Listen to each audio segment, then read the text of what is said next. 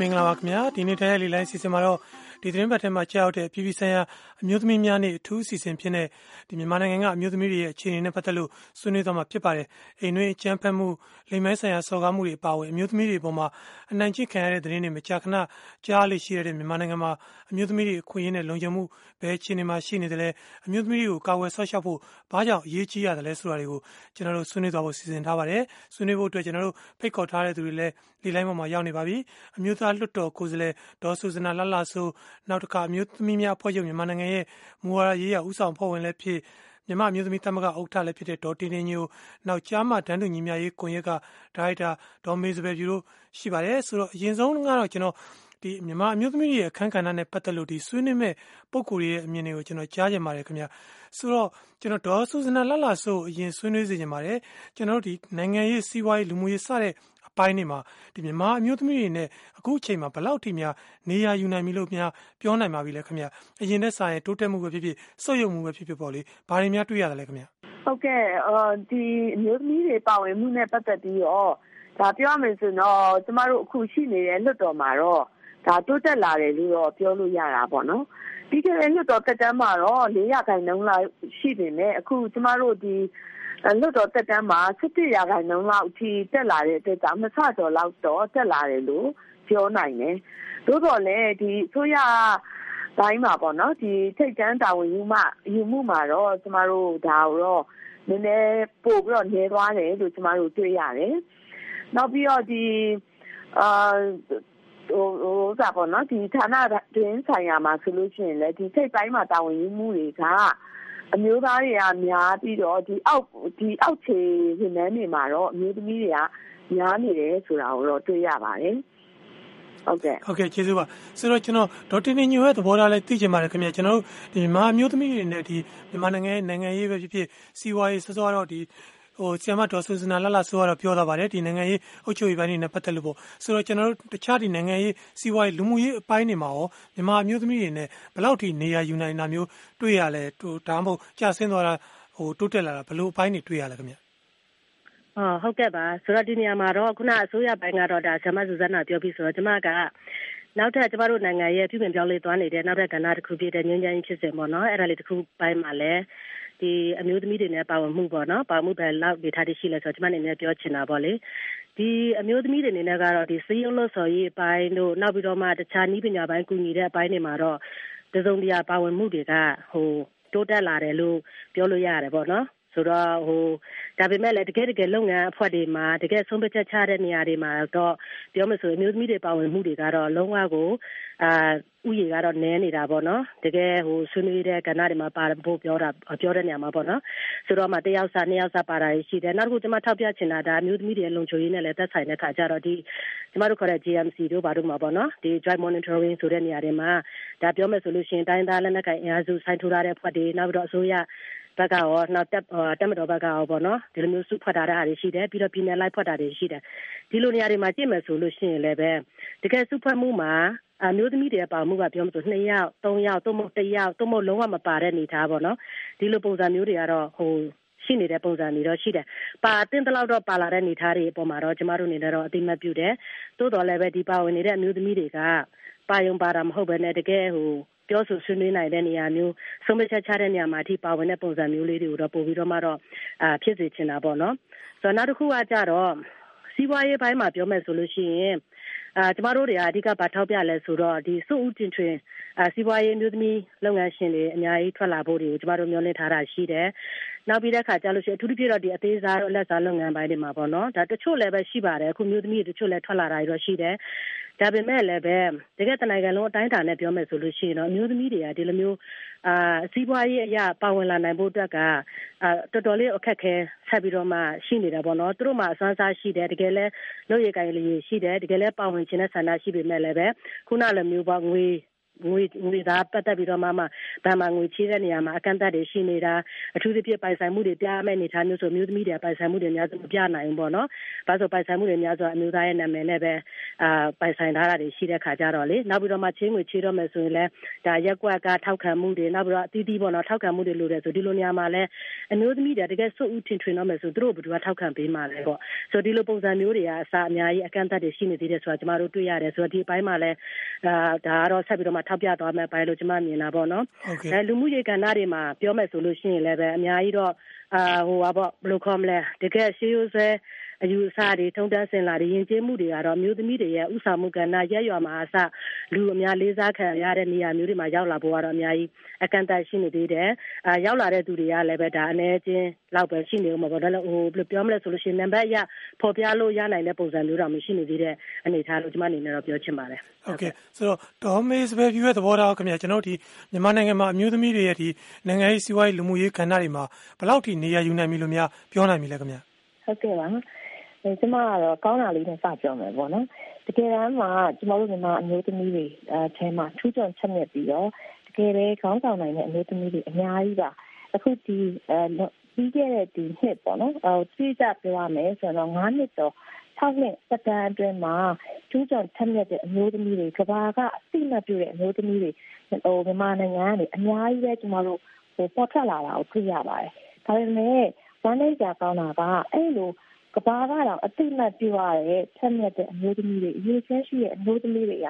ပြည်တွင်းမှာကြတော့တိတ်အတိမတ်ပြုမခံရတာနေရာပေးခြင်းမခံရတာပဲပေါ့နော်အဲ့တော့ဟို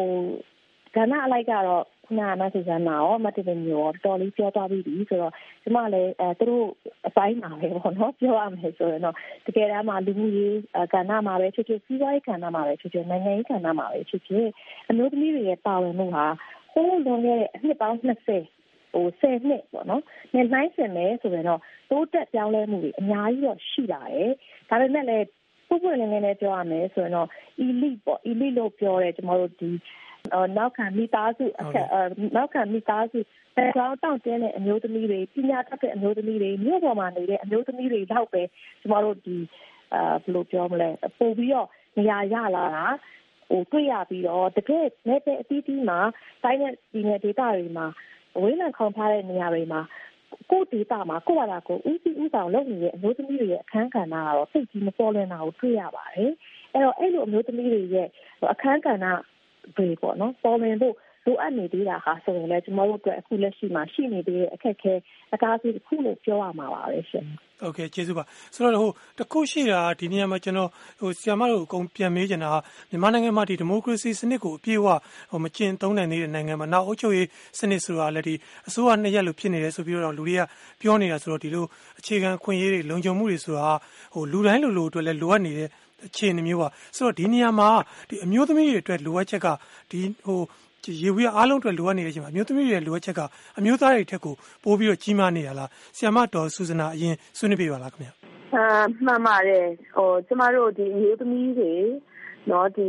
တာဝန်ယူရမယ့်အပိုင်းဆိုလို့ရှိရင်ကျမတို့ဒီသူတို့ရဲ့ဟိုတင့်တော်တဲ့ဟိုအရေးချင်းရှိတော်ညာလည်းပဲเนาะတာဝန်ပေးခြင်းမခံရတာအမျိုးသားတွေချက်ပို့ပြီးတော့မှသူ့ချွန်ချက်မြက်မှ နော်သူတို့တာဝန်ယူရတာအဲ့ဒါတွေကဟိုနေရာတိုင်းမှာရှိနေဥပမာအဖြစ်အုပ်ချုပ်ရေးပေါ့နော်အုပ်ချုပ်ရေးပိုင်းမှာဆိုလို့ရှိရင်ကျမတို့ဒါအခုကတော့ဟိုအရင်နဲ့ဆိုင်တော့တိုးတက်လာတာပေါ့နော်ရက်ကြီးရက်ကြီးအုပ်ချုပ်ရေးမှုပေါ့ဒါလည်းပြည်သူကနေမင်းနဲ့ရေးချဲတဲ့အခါမှာအခုကတော့အရင်နဲ့ဆိုင်တော့ဒါရာအိမ်မှုတွေနောက်ပြီးအုပ်ချုပ်ရေးမှုပေါ့နော်ဒီရက်ရက်ရွာနဲ့နောက်ပြီးတော့ဒီ ဟိုရက်ွက်ပေါ့နော်အဲ့လိုအုပ်ချုပ်ရေးမှုတွေကတော့များလာတယ်သို့တော်လည်းဒီမြို့နယ်အုပ်ချုပ်ရေးမှုကတော့တော့ကျမတို့အားလုံးစုစုပေါင်းမှအဲတယောက်ပဲရှိသေးတယ်ပေါ့နော်ကျမတို့ခုနောက်ဆုံးအဲသိရတဲ့အနေအထားကဒါဆိုလို့ရှိရင်တော့ဒါအမျိုးသမီးတွေဒီလုံနိုင်တော့လည်းပဲသူတို့ဟိုနေရာမရဘူးဆိုတာအာတွေ့ရတယ်။ဒါလည်းဆိုတော့ဒီ KNP နယ်မှာဆိုလို့ရှိရင်ကျမတို့ဟိုလေ့လာမှုတွေအရဆိုလို့ရှိရင် အရင်တော့ကရှိခဲ့တဲ့နော်ဒီအုပ်ချုပ်ရေးမှုတွေနော်ဒါအမျိုးသမီးအများစုဖြစ်တယ်သို့တော်လည်းငင်းချမ်းရေးရပြီးတဲ့နောက်ပိုင်းမှာဆိုလို့ရှိရင်အမျိုးသားတွေကပြန်လာတယ်နော်ဒီရက်ရွာထဲမှာပြန်တဲ့အခြေစိုက်တဲ့အခါမှာဒီအုပ်ချုပ်ရေးမှုရာထူးတွေကိုသူတို့ကပြန်ပြီးတော့ဟိုယူရပေါ့နော်ယူပြီးတော့အမျိုးသမီးတွေကတော့အရင်တော့ကပဋိပက္ခဖြစ်တဲ့အချိန်မှာသူတို့ထိန်းထားနိုင်တဲ့အနေအထားကိုသူတို့ဖယ်ပေးရပြီးတော့အမျိုးသားတွေကိုပြန်ပြီးတော့ပြေးလိုက်ရတယ်ဆိုတာကိုလည်းတွေ့ရတယ်။နောက်ပြီးတော့ဒီ အစိုးရဝန်ထမ်းပဲဖြစ်ဖြစ်ပေါ့နော်ဒီ private sector ပဲဖြစ်ဖြစ်တော့ကျမတို့ကြည့်တဲ့အခါမှာအမျိုးသမီးတွေကအများကြီးအမျိုးသားချက်ကိုခေါင်းလုံးချက်ပိုးပြီးတော့ထူးချွန်နေမှသာတော့အဲ့ဒါကိုတော့ဒီတတ်မှတ်ပြီးတော့အတိမတ်ပြုပြီးတော့မှသူတို့နေရာရတယ်ဆိုတာကိုတွေ့ရပါတယ်ဟုတ်ကဲ့ကျေးဇူးပါဆိုတော့ဟိုဟိုကျွန်တော် ဆီယမဒေါက်တာနင်ညိုလည်းမေးချင်ပါတယ်ခင်ဗျာကျွန်တော်တခြားမပါဘူးဒီဒီမိုကရေစီထွန်းကားပါတယ်ဆိုတော့အမေရိကန်လိုနိုင်ငံမျိုးမှာတော့မှဟိုမနေ့တနေ့ကမှပဲဒီပထမဆုံးအမျိုးသမီးတိုက်လေရင်မှုကသူ့ကိုထက်ရရှိတွေကအာမချင်း ငဲ့တာရှိပါတယ်ဆိုပြီးနှစ်တွေတော်တော်ကြီးကြာမှထုတ်ပြောတာမျိုးရှိပါတယ်နောက်တစ်ခါဒီကျွန်တော်မီတူလှုပ်ရှားမှုဆိုတာပြီးခဲ့တဲ့နှစ်တွေမှာပေါ်လာတော့ဒီနာမည်ကြီးရုပ်ရှင်သရုပ်ဆောင်အမျိုးသမီးတွေတော့မှသူတို့စော်ကားခံရတဲ့ကိစ္စမျိုးတွေထုတ်ပြောလာကြတာမျိုးတွေရှိတယ်ဆိုတော့မြန်မာနိုင်ငံလိုမျိုးပေါ့လေအစအစရရနောက်ကျနေတယ်နောက်ဒီမိုကရေစီလည်းအပြည့်အဝမရှိသေးတဲ့တိုင်းပြည်မျိုးမှာအမျိုးသမီးတွေရဲ့အခြေအနေတိုးတက်ဖို့ဆိုတာဘယ်လောက်တောင်အခြေယူရမယ်လို့မျှော်လင့်ထားလဲဟုတ်ကဲ့ရှင်ဟိုပါပေါ့အမေရိကန်လိုနိုင်ငံမျိုးကဒါအများကတော့ အာကြည့်လိုက်လို့ရှိရင်တော့အရာမှာဟိုမျိုးသားနဲ့မျိုးသမီးကြားမှာညီမျှတဲ့အခွင့်အရေးတွေရပြီလို့မြင်ကြတာပေါ့နော်ဒါပေမဲ့ကျမတို့ ဒီအမျိုးသမီးအခွင့်အရေးလှုပ်ရှားမှုတွေလုပ်ကြတဲ့ကအမေရိကန်မှာလှုပ်ရှားတဲ့မျိုးသမီးတွေနဲ့လည်းချိတ်ဆက်ခဲ့တာရှိတယ်နောက်ပြီးတော့တချို့အမျိုးသမီးနားလည်တဲ့အမျိုးသားတွေနဲ့လည်းစကားပြောဖြစ်တဲ့အချိန်မှာအမျိုးသမီးခွင့်ရေးလို့ပြောမယ်ဆိုလို့ရှိရင်သူတို့ကလည်းတိုင်းတာတစ်ခုဖြစ်ပဲဆိုတဲ့ဟာမျိုးကိုပြောသွားတာပေါ့နော်နောက်တစ်ခုကတော့ပြောမယ်ဆိုလို့ရှိရင်အာတကယ်ဟိုအမျိုးသမီးခွင့်ရေးတွေတော်တော်လေးကိုပြပြဝဝရတဲ့နာမည်နဲ့ပတ်သက်တော့နံပါတ်နံပါတ်1ပေါ့နော်ခံယူလို့ရတဲ့နိုင်ငံမျိုးဖြစ်တဲ့နော်ဝေးတို့ဆွီဒင်တို့မှာတော့မှအမျိုးသမီးတွေကခုနလည်းမျိုးပေါ့ဒီလိမ်မိုင်းဆိုင်ရာကြမ်းဖက်မှုတွေဒီလိုကိစ္စရပ်မျိုးတွေကတော့ကြုံတွေ့နေရဆဲပဲပေါ့နော်ဒါကလည်းပြောမယ်ဆိုလို့ရှိရင်တော့ဟိုဘယ်လိုခေါ်မလဲပြေးွားတဲ့အခွင့်အရေးတစ်ခုကိုရရတယ်လို့လို့နဲ့ဒါနိုင်ငံရေးအရာဟိုပါဘယ်လိုခေါ်မလဲကစားကွက်တစ်ခုတည်းမှာကျမတို့မျိုးသမီးတွေဝင်ရောက်သွားတဲ့အနေအထားတစ်ခုလို့ကျမတို့မြင်တာပေါ့နော်ဆိုတော့ကျမတို့မြန်မာနိုင်ငံမှာ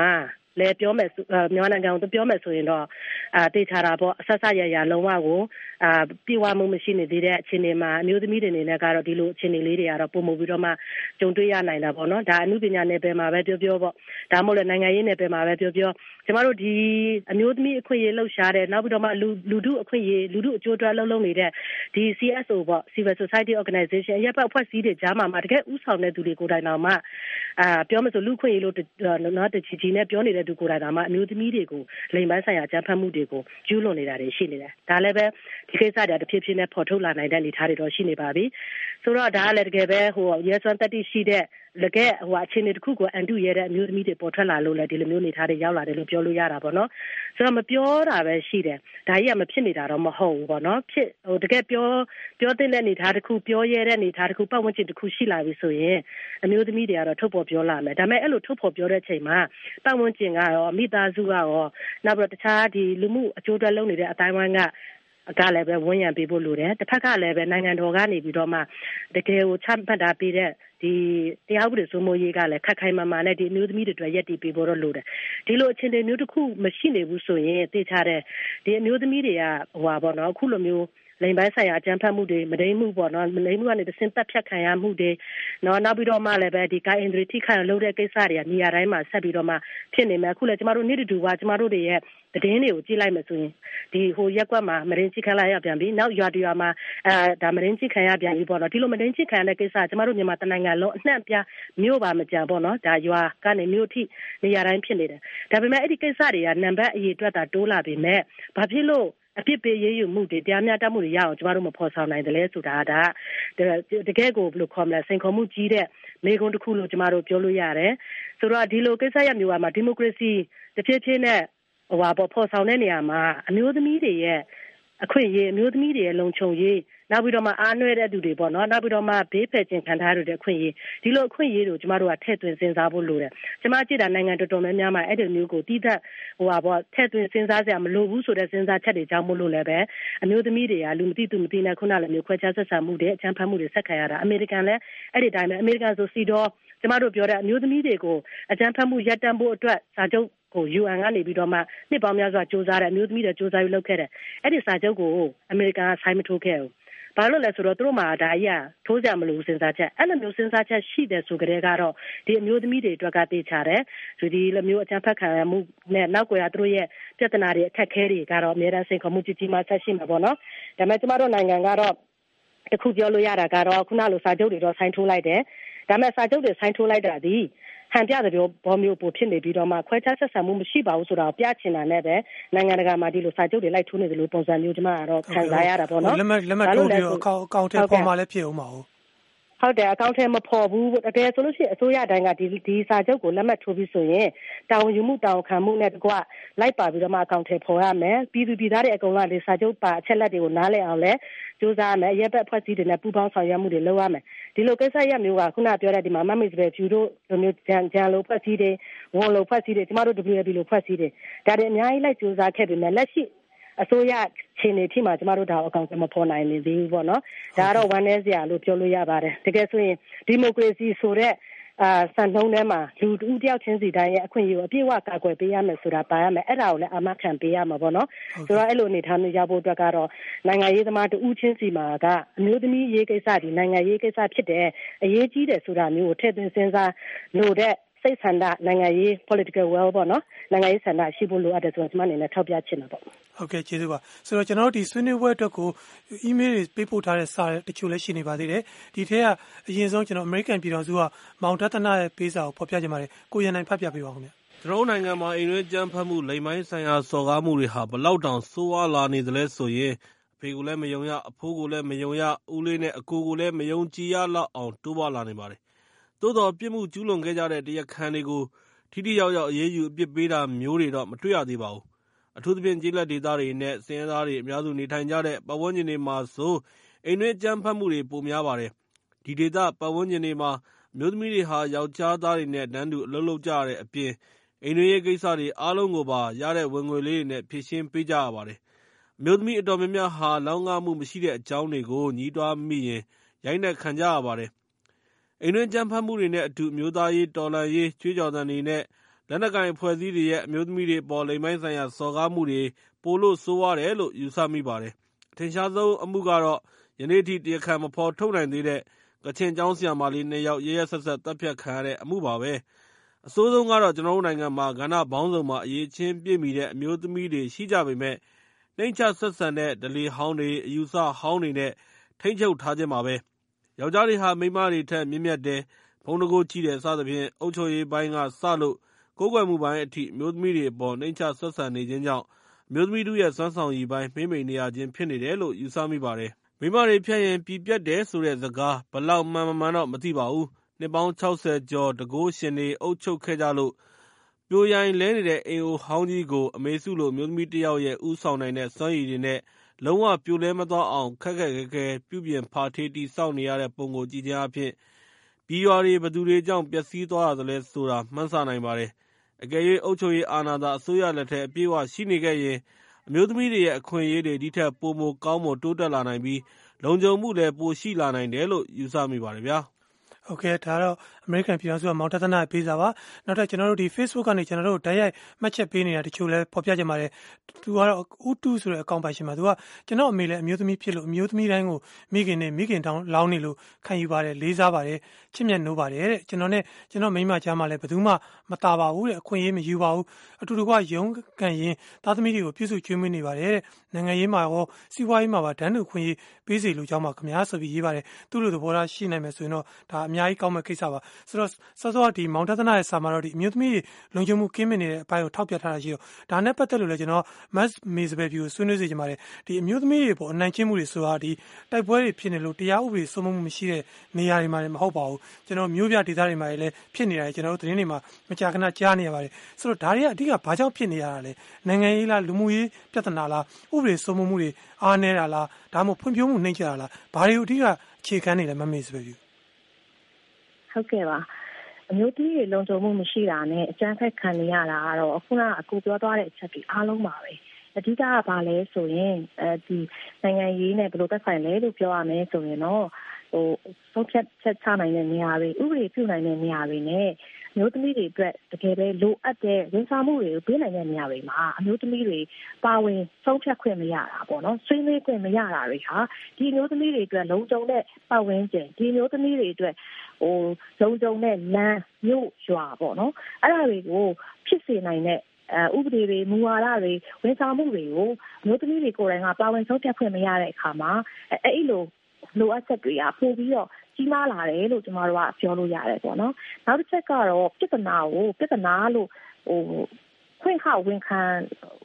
ဝင်ခံမယ်ဆိုရင်ကျမတို့ကအဲ့ပြဿနာကိုဖြေလျအောင်ဖြေရှင်းရတာလွယ်ပါတယ်ဒါပေမဲ့ကျမတို့လူမှုတိုင်းဝိုင်းမှာဘလို့ဖြစ်နေရလဲဆိုရင်ရှက်စရာကိုတော့ရှက်ရမယ်လို့မမြင်နဲ့နဲ့မရှက်ရမယ့်ကိစ္စကိုရှက်နေတဲ့ပြဿနာပါအဲ့တော့ဒီလိုမျိုးသမီးတွေပေါ်အကျန်းဖက်တယ်တို့အိမ်လေးကျန်းဖက်မှုတို့မဒိန်းကျင်တယ်ဆိုတဲ့စကားလုံးကိုတော့မှ ဟိုရင်းရင်းကြီးကြီးတဲ့သူတို့ကတားများကျွတ်ကျင်တယ်လို့သုံးလုံးစီစဉ်ကြပြီးရပေါ့နော်ပြောမယ်ဆိုရင်ဟိုမဒိန်းမှုဟာမဒိန်းမှုပါပဲဖြစ်မှုပါအဲ့တော့အဲ့လိုမျိုးအမှန်ကိုအမှန်တိုင်းလက်ခံပြီးတော့တကယ်တမ်းမှာရှက်ရမယ်ဟာဒီလိုဟိုကိုယ့်ထက်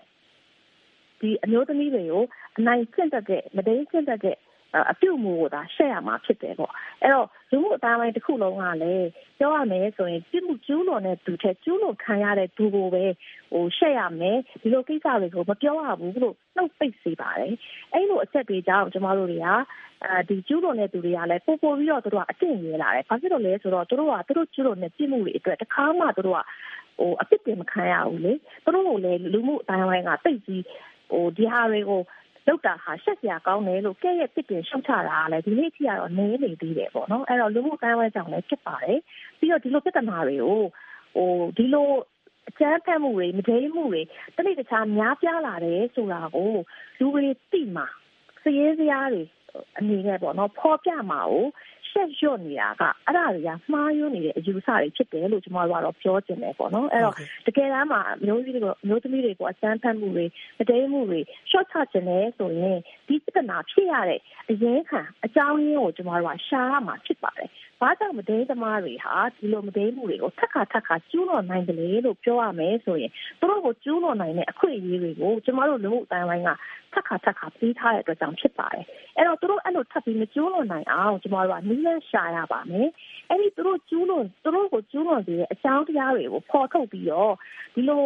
ဒိသမားတွေရဲ့စိတ်ပေါ့နော်အဲ့ဒါကိုနားလည်ဖို့အတွက်ကျွန်တော်တို့ကတိတိကျကျတွေကိုပြုဖို့လိုပါတယ်လို့အခုကတော့ပြောမယ်ဆိုရင်ကိန်းဂဏအချက်လက်တွေအားဖြင့်ဆိုရင်လည်းကျွန်တော်တို့ကပြစ်မှုကျူးလွန်မှုဘယ်လောက်ရှိတယ်ဆိုတာတော့ပဲသိရပြီးတော့တကယ်တမ်းမှာဘာကြောင့် ဒီပြစ်မှုတွေဟိုဖြစ်ပွားရတာလေဒီလိုပြစ်မှုတွေကိုမဖြစ်အောင်ဘယ်လိုကာကွယ်ရမလဲဆိုတဲ့အပိုင်းကိုသိအောင်နားလည်အောင်သူတနာတွေရှာဖွေဖော်ထုတ်ထားမှုတွေဟာအရန်ကိုအားနေပါတယ်အဲ့တော့တစ်ဖက်မှာဒါကိုရှက်စရာလို့မမြင်မဲနဲ့ဒါဟာကျမတို့လူအဖွဲ့အစည်းအဟိုအတွက်ကြီးမားတဲ့ပြဿနာတည်း ဖြစ်တယ်ဆိုတာကိုမှန်မှန်ကန်ကန်နဲ့သုံးသပ်ပြီးလက်ခံပြီးတော့အဲ့ပြဿနာကိုဖြေရှင်းနိုင်ဖို့နည်းလမ်းကိုအထူးထူးအဖြေရှာကြဖို့အတွက်ဖြစ်ပါတယ်။အဲ့တော့နောက်ဆုံးပြန်သွားရမယ်ဆိုရင်တော့အမျိုးသမီးတွေကိုသုံးသပ်ချက်ချနိုင်တဲ့နေရာတွေမှာဥပဒေရေးဆွဲနိုင်တဲ့နေရာတွေမှာအဲသူတို့ကိုယ်တိုင်ပါဝင်ခွင့်ပေးဖို့ကိုလည်းနောက်ဆုံးတော့ပြန်ရောက်လာပါတယ်။ဘာကြောင့်လဲဆိုတော့အမျိုးသမီးတွေကိုယ်တိုင်မပါဘဲနဲ့သူတို့ကိုကာကွယ်ပေးနိုင်တဲ့ဥပဒေတွေမူဝါဒတွေဝန်ဆောင်မှုတွေကိုတိတိကျကျတည်ရရမပေးနိုင်လို့ပါပဲရှင့်။ ဟုတ်ကဲ့ကျွန်တော်ဆိုတော့ဒါနဲ့ဆက်ဆက်ပြီးတော့ဒေါ်ဆူစနာလလဆိုးလည်းမေးချင်ပါတယ်ခင်ဗျဟိုဆီယမဒီလွတ်တော်ကိုယ်စားတူလည်းဖြစ်တယ်ဆိုတော့လွတ်တော်မှာဒီလိုဥပဒေပြုရေးအပိုင်းကပဲဖြစ်ဖြစ်ပေါ့လေအမျိုးသမီးတွေအခွင့်အလမ်းတိုးတက်ဖို့အတွက်လုံနိုင်တာလုံဆရာရှိရတယ်ဘာတွေများရှိမလဲဆီယမဟုတ်ကဲ့ကျမတို့ဒီဟိုဥပဒေတရက်ပေါ့နော်အမျိုးသမီးများပေါ်ကျန်းဖက်မှုမှကာကွယ်ရေးဥပဒေဆိုတာကို ကျမတို့အစပြောနေတာတော့ကြာပြီပေါ့နော်အဲ့ဒါပြောရမယ်ဆိုရင်တော့9နှစ်ကျမတို့အဲကျမတို့တော့ကိုယ်စမဖြစ်ခင်ကလေးကအစပြောနေတာအခုအာလွတ်တော်မှာလည်းပဲဒီဥပဒေချမ်းကမရောက်ရှိလာသေးဘူးပေါ့နော်အဲ့ဒါတောင်ပြီးခဲ့တဲ့ 2018နိုဝင်ဘာမှာကျမကိုယ်တိုင်လည်းဒါလွတ်တော်မှာနေကုန်နေခဲ့တာဖြစ်ပါတယ်။ဒါတော့အော်ဒီမြို့သမီးတွေပေါ်ကိုချမ်းဖက်မှုတွေလိမ်ပိုင်းဆိုင်ရာအမျက်ထုတ်မှုတွေကများပြားလာတဲ့အတွက်ကြောင့်ကျမတို့ဥပဒေနဲ့ကာကွယ်ဖို့လိုတယ်။အဲကြောင့်ဒီဥပဒေအဘယ်တော့မှ နော်ဒီနှစ်တော်ကိုဆွေးနွေးဖို့ရောက်มาလဲဆိုတာအဲ့ဒါကိုတော့ဒါလူကယ်ပြန်ဒူဝင်ကြီးကနေလာတော့ဖြေထားတာကတော့2019ပေါ့နော်2019ထဲမှာတော့ဒါ